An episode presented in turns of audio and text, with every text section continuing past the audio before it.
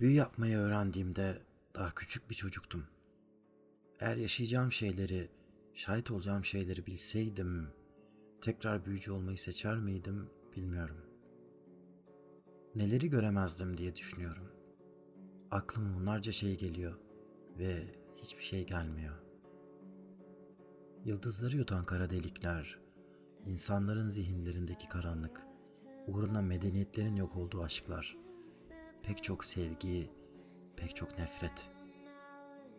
Kendi güçlerimi keşfettiğim yıllarda benim kadar marifetli olmayan bir arkadaşım vardı. Kendini değiştiremeyeceğini düşündüğü bir kederden kaçarken benimle birlikte aynı büyücü kulesinde bulmuştu kendini. Kaderinde kahramanlık yokken kaderi onu kahraman yapmıştı. Kaderinde fedakarlık yokken çok büyük şeyler feda etmişti. Karanlığın karşısında boşa kürek çektiğini ona defalarca söylemek istedim. Onu durdurmak, yaptığı her şeyin anlamsızlığını yüzüne vurmak istedim. Fakat onun sımsıcak kalbi ve kötülüğün karşısındaki ehvenişer tutumu karşısında kendimi ona yardım ederken buldum. Defalarca. Yine de onun yaptıklarının varoluşun kaderini değiştirmeyeceğinin farkındayım. Yine de onun yüzünden çabalamaya devam ediyorum. Çünkü en umutsuz anlarda o çabalamayı bırakmadı. Çünkü en kör karanlıkların onu yutmasına izin vermedi. Bu sebeple yaptığım şeyler iyi veya kötü sadece varoluşun biraz daha devam etmesi üzerinedir. Kara delikler yıldızları yine yutacak. İnsanların zihinlerinde karanlık hep var olacak. Uğruna medeniyetlerin yok olduğu aşklar yaşanmaya devam edecek. Biraz daha devam etse bu çok mu kötü olurdu? Seyahat ettiğim binlerce farklı zaman çizelgesinde binlerce farklı senle tanıştım. Bazılarında kazanıyordun, pek çoğunda ise kaybediyordun. Yine de yöntemlerin değişse de kimi zaman yeşilden çok siyah olsan da her zaman merhametli kalbin orada olduğunu görmek beni savaşımdan vazgeçirmedi eski dostum. Sen bana umut verdin. Şimdi de benim başkalarına umut vermem gerekiyor. Bu karanlık bir umut olsa bile.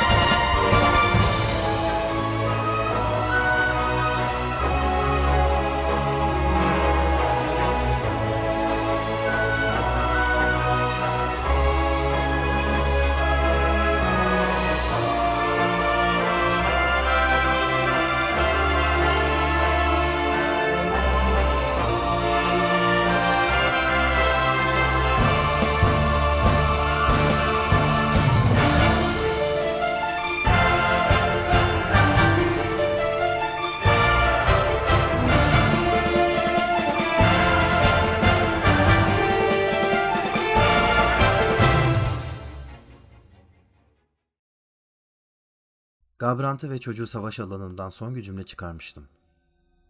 Pek çok farklı boyutta tezahür etmek büyü gücümü tüketiyordu.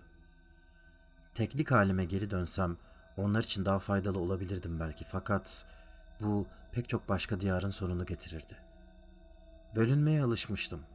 Farklı benler, farklı zamanlarda, farklı yerlerde, farklı insanlarla aynı nihai amaç uğruna savaşıyordu. Aslında hikaye hep aynıydı. İyiler vardı, kötüler vardı. Kötüler iyilerle savaşıyordu. Ve öyle ya da böyle hikaye bir şekilde sonuçlanıyordu. Zamanın ayazlarının uğultusunda birileri doğuyor, yaşıyor, ölüyordu.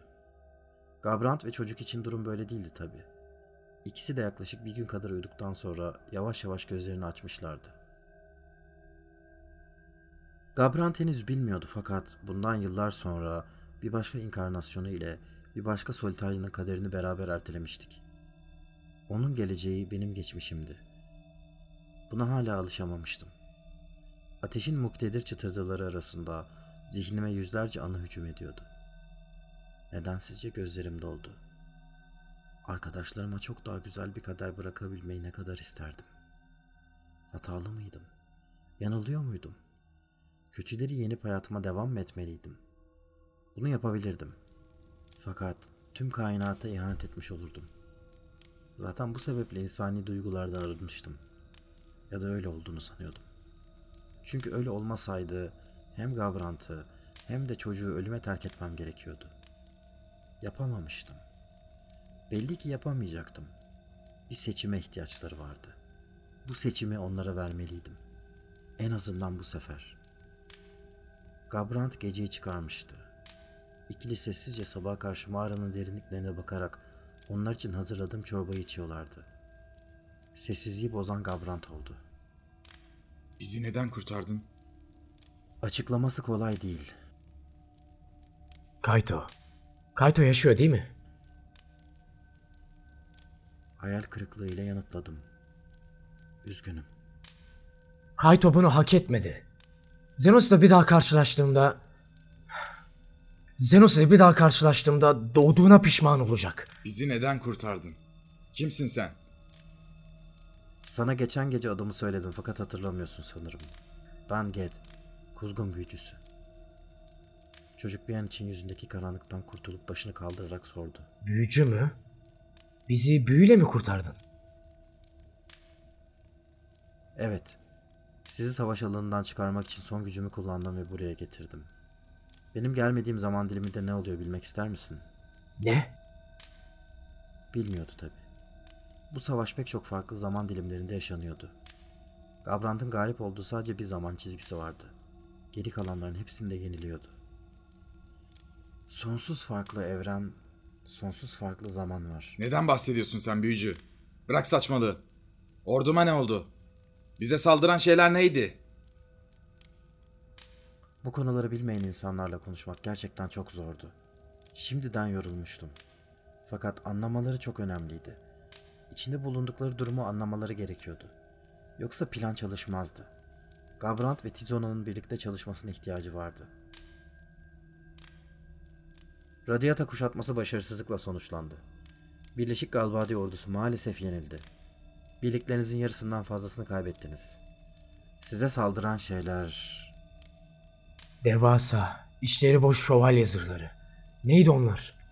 Ne kadar vurursak vuralım durmadılar. Bir tanesinin attığımız mancınık darbesinden geri ayağa kalktığını gördüm.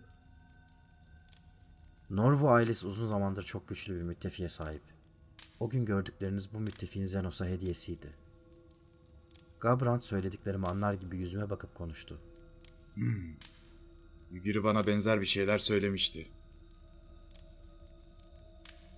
Norva ailesinde jenerasyonlar boyunca geçen bir taş varmış. Onlara yapmaları gerekenleri söyleyip güç veriyormuş. Yani bu doğru mu? Büyülü taş gibi bir şey mi? Pek sayılmaz.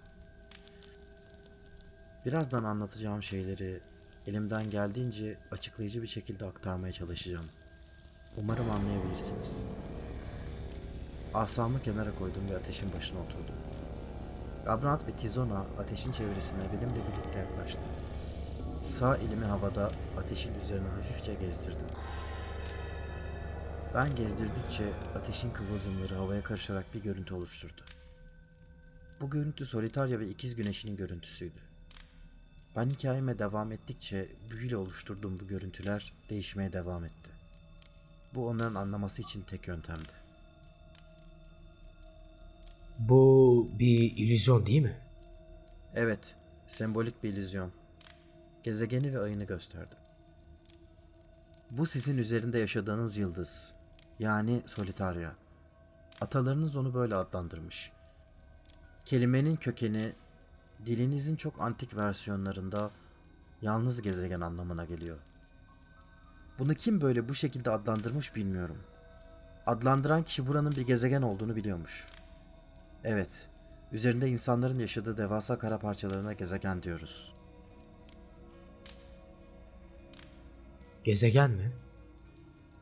Peki geri kalan karanlık ne? Geri kalan karanlığa uzay diyoruz. Uzay sonsuzluğa kadar gidiyor. Bilinen bir sınırı yok. İkili afallamış bir şekilde illüzyona bakıyordu. Sen bunları nereden biliyorsun? Ben büyünün çok daha güçlü olduğu, sizin gezegeninize uzak başka bir gezegenden geliyorum. Orasının gerçekliğinin kuralları sizin kadar sert değil. Bu sebeple büyünün sınırları daha belirsiz. Bu şekilde objektif gerçekliği bükerek boyutlar arası gezebiliyorum. Gezegenler üzerinde yaşayan canlı varlıklara göre farklı gerçekliklere sahip olabiliyorlar. Bazılarında çok güçlü büyüler yapabiliyorken bazılarında yapamamam bu yüzden.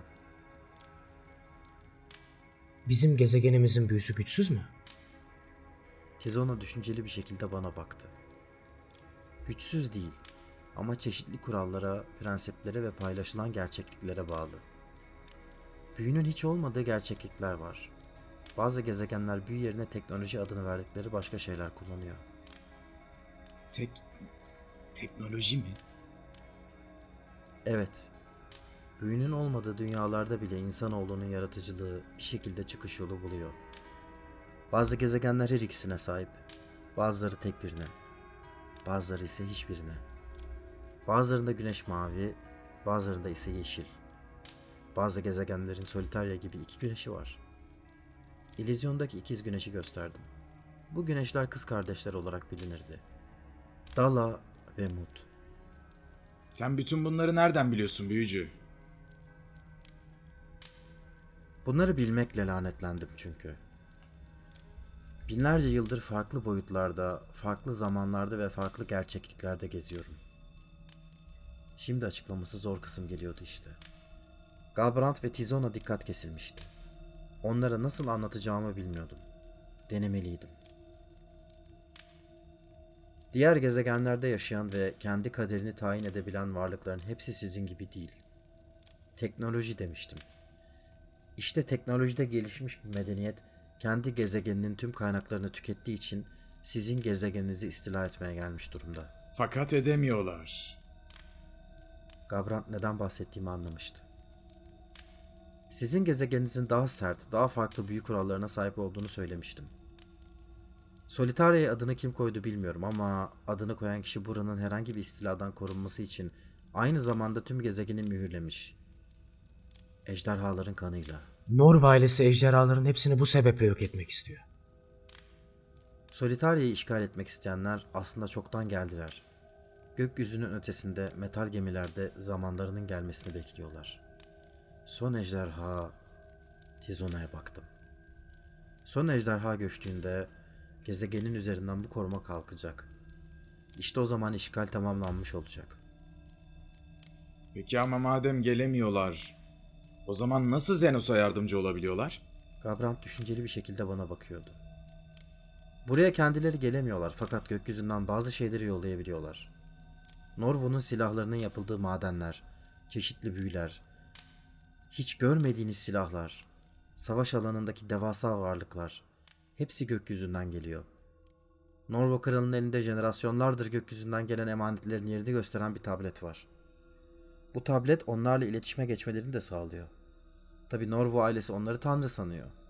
Eğer Solitaria'yı onlara sunarlarsa ödüllendirileceklerini düşünüyorlar.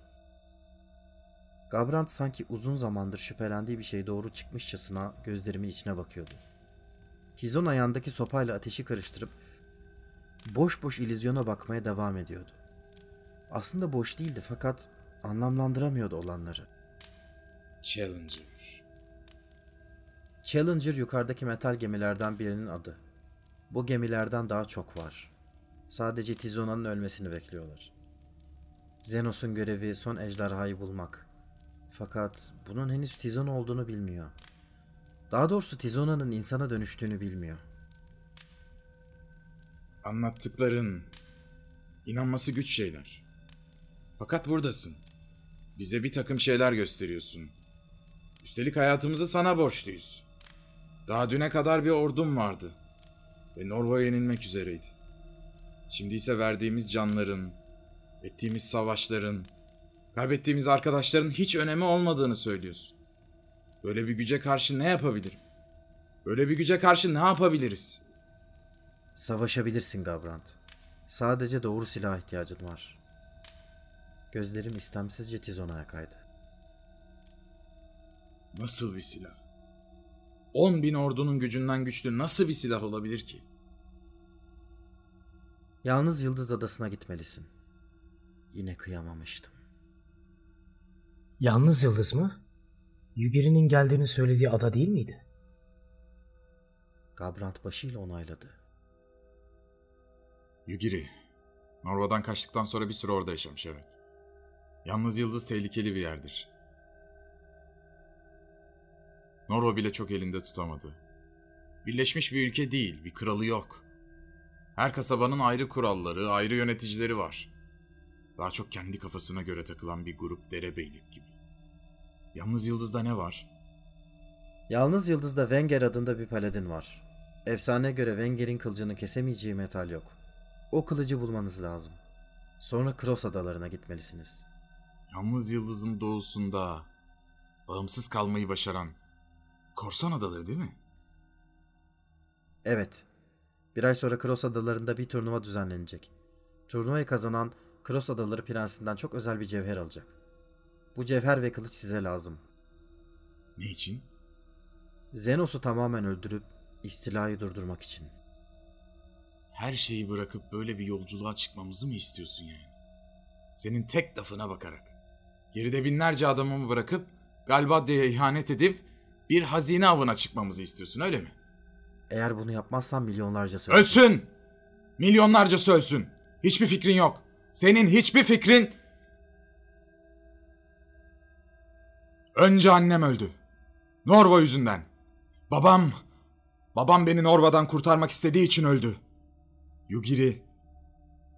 Karabalda... Hepsi öldü. Ciyup... O da kızını göremeden öldü. Oysa ben ona söz vermiştim. Senin kim olduğunu bilmiyorum. Senin ne istediğini bilmiyorum. Benim kahraman olmam gerekiyordu. Benim Galvadia'yı birleştirip sonunda Radiata'yı alıp Ciyub'un kuzunu kurtarmam gerekiyordu. Tizona'ya doğru düzgün bir hayat vermem gerekiyordu. Şimdi ne yapacağım? Daha ne kadar devam edebilirim? Daha kime güvenebilirim? Bu hikayenin kahramanı ben değilsem kim? Daha kaç kişinin ölmesi lazım? Daha ne kadar feda etmeliyim? Söylesene kuzgun büyücüsü. Var mı bilgece bir cevabın? Yalnız Yıldız'a gideceğim. Sonra Kuras odalarına.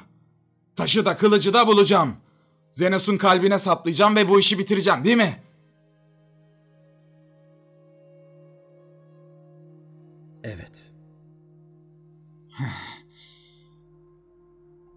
Jub'un kızı... Jub'un kızı hala hayatta. Bunu nereden biliyorsun? Ben bilmekle lanetlendim. Bunu sana söylemiştim. Madem bilgiyle lanetlendin söyle o zaman. Zenos yenilecek mi? Eğer benim dediklerimi yaparsanız evet. Peki ya yapmazsak? Korkarım ki Norvo eninde sonunda sizi bulup öldürecek. Ona karşı gelemediğinizi gördünüz. Zenos normal bir insan değil. Şu anki halinizle ona karşı gelmeniz imkansız. Ama ben bir ejderhayım. Gabrant sanki bir şey hatırlamış gibi gözlerini açtı. İksiyon da öyleydi. Zenos hala yaşıyor. O ise Ejderhalar hakkında bildiğim bir şey varsa daha bir ejderhaya dönüşmek için önünde uzun yılların oldu. Maalesef beni dinlemezseniz o uzun yıllara sahip olamayacaksınız. Daha önce hiçbir ejderhayla tanıştın mı? Bir iki tane diyelim. Onlar hakkında ne biliyorsun? En gerektiği anlarda ejderhaya dönüşemediklerini. Kılıcın ve cevherin işe yarayacağını nereden biliyorsun? Çünkü bu zaman doğrusunun sonunu biliyorum. Madem kazanıyoruz. Niye bize neler olacağını anlatmıyorsun? Anlatırsam kazanamazsınız. Yani sana inanmaktan başka çaremiz yok öyle mi? Öyle. Bu göreve sen neden çıkmıyorsun büyücü? Belli ki bizden daha hünerli ve bilgilisin. Eminim bizden daha başarılı olurdun. Benim görevim başka. Üzgünüm ama bu yolculukla size eşlik edemem. Genovia, Hı? zaman çizgisinin sonunda yaşayanların ölümü fethettiği, milyonlarca yıl barış içinde kalmış, teknolojinin ve büyünün iç içe geçtiği cennet gibi bir gezegen. Ne olmuş Genove'ye? Bir gün orası da düşecek. Ben zamanda gezdikçe gezebildiğim noktaların arası kısalıyor. Bir şey zaman çizgisini bitiriyor. Önce Solitaria, sonra Dünya, sonra Amorot ve günlerin sonunda Genovia. En azından onlara yaklaşan tehdidin farkındalar. Fakat en zekileri, en yetenekleri bile bir çözüm bulamadı. Peki ya sen? Zaman yiyen geliyor Gabrant. Zaman yiyen mi? Onu durduramayız. Fakat yavaşlatabilmenin bir yolunu buldum. Bu yol sizin gibi kahramanların üzerinde düşenleri yapmasından geçiyor. Anlat. Anlatacaklarımın hepsi bu kadar. Doğasını anlayamadığım şeyler üzerine konuşmak yersiz. Yalnız Yıldız'a git. Venger'i bul. Bir ay sonra Cross Adalarında yapılacak turnuvaya gir. Kazan ve cevherin sahibi ol. Peki ya başaramazsak? Başaracaksınız. Nasıl bu kadar emin olabiliyorsun? Çünkü bu hikayenin kahramanları sizsiniz. Şu an Zelen'in dağlarındasınız. Güneye doğru gidip 300 nehirleri geçip parmak burnuna gitmeniz gerekiyor. Burunda bir gemi kiralayıp yalnız yıldıza geçebilirsiniz. Eğer yarın yola çıkarsanız tüm yolculuk bir hafta sürer. Orada bir hafta geçirirseniz yalnız yıldızdan tekrar gemiye binip Cross adalarında turnuvaya zamanında yetişebilirsiniz. Fakat Zenos'ta Challenger'ın ve görü rahibelerinin gücünün olduğunu unutma. Sizin peşinden katiller gönderecektir. Dikkatli olun. Kendi isimlerinizi kullanmayın. Gece seyahat edin. Burada ayrılıyoruz. Hikayede benim rolüm artık bitiyor. Gerisi sizin ellerinizde. Nereye gideceksin? Kontrol etmem gereken farklı zamanlar, farklı olaylar var. Ayrıca başka bir gezegende başka bir savaş var. Hoşça kalın.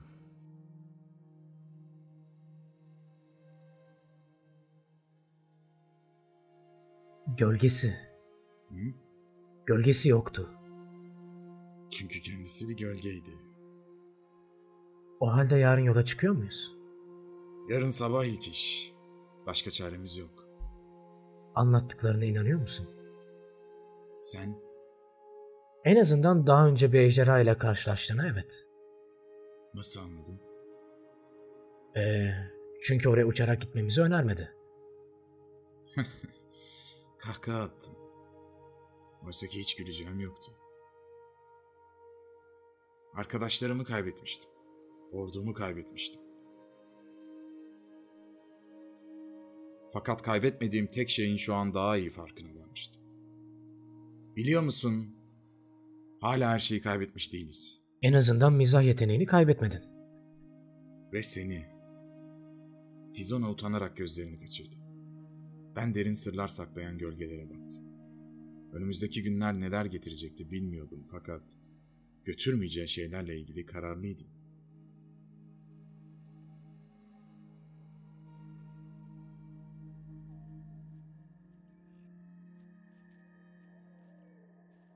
Hayatımdaki her şey değişmişti. Fakat Midland'in soğuğu aynıydı. Zeleninden yola çıkalı beş gün olmuştu. Sıra dağların oluşturduğu kanyondan, kraliyet için yapılan yoldan ilerliyorduk. Bir gün sonra kutsal şehir Gabrant'ın kuleleri önümüzde belirecekti. Gabrant'ta bir süre kalacaktık. Sonra Radiata'ya devam edecektim. Doğduğum şehri en son yıllar önce görmüş gibiydim. Tabii bu hızla gidersek yıllar sonra görmem işten bile değildi. Bobo, biraz hızlı yürümesek mi?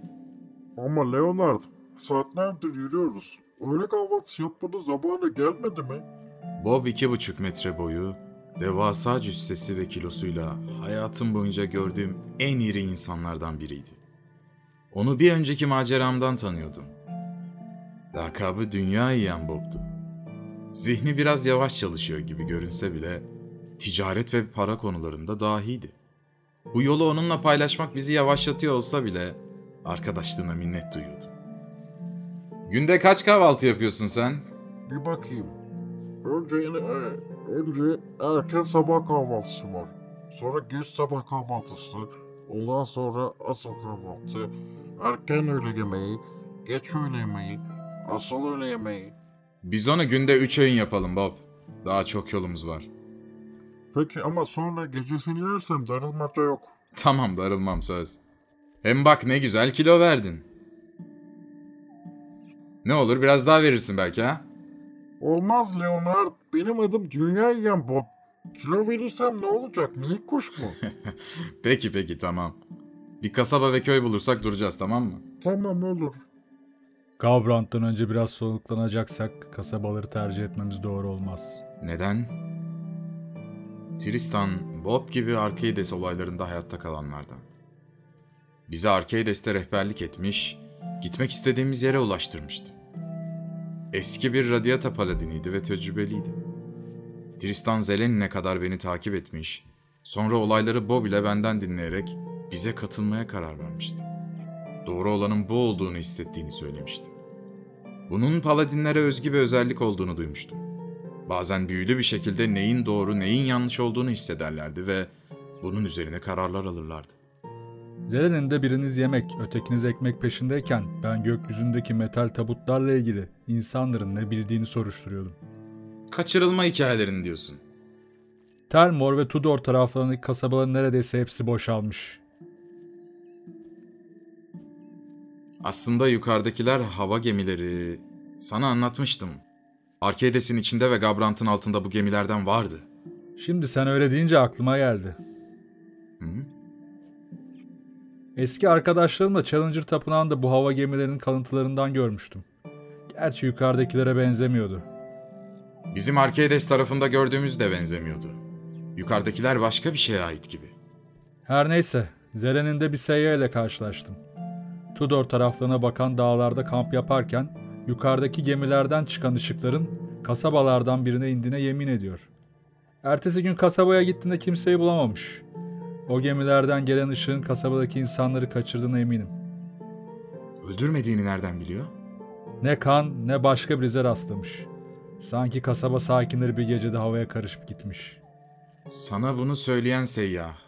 Güvenilir mi peki? Garnet'ın yalan söyleyeceğini sanmıyorum. Eski kaptanlardan. Her neyse, ülkenin dört bir yanından kaçırılma haberleri geliyor. Herkes Zelen'in gibi büyük şehirlerde toplanmış durumda. Kasabalardaki insanlar bir bir yok oluyor. Eğer yol üzerinde bir köy ya da kasabaya uğrayacaksak dikkatli olmalıyız. Tristan'ın benzetmesi doğruydu. Gökyüzünde asılı duran bu gemiler adeta metalden tabutlara benziyorlardı. Asıl soru içine kimin gireceğiydi. Tüm bu düşüncelerle birlikte yol arkadaşlarımla yürümeye devam ettim. Endişeliydim. Rüyalarımda Estinyen yoktu.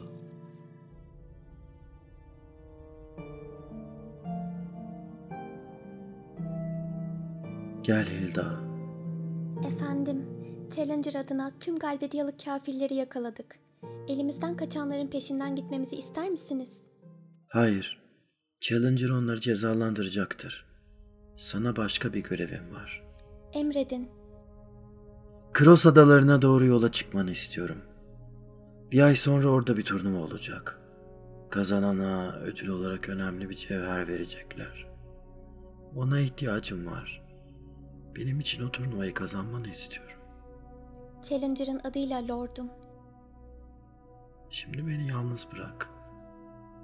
Lord'um. Aa, evet baba. Neydi şu gerizekalı sözün? Yukiri hep söylerdi. Kardeşin Yukiri. Ah evet. Zaman aslında ölümdür. Sanırım bu sözü değiştirmemiz gerekecek.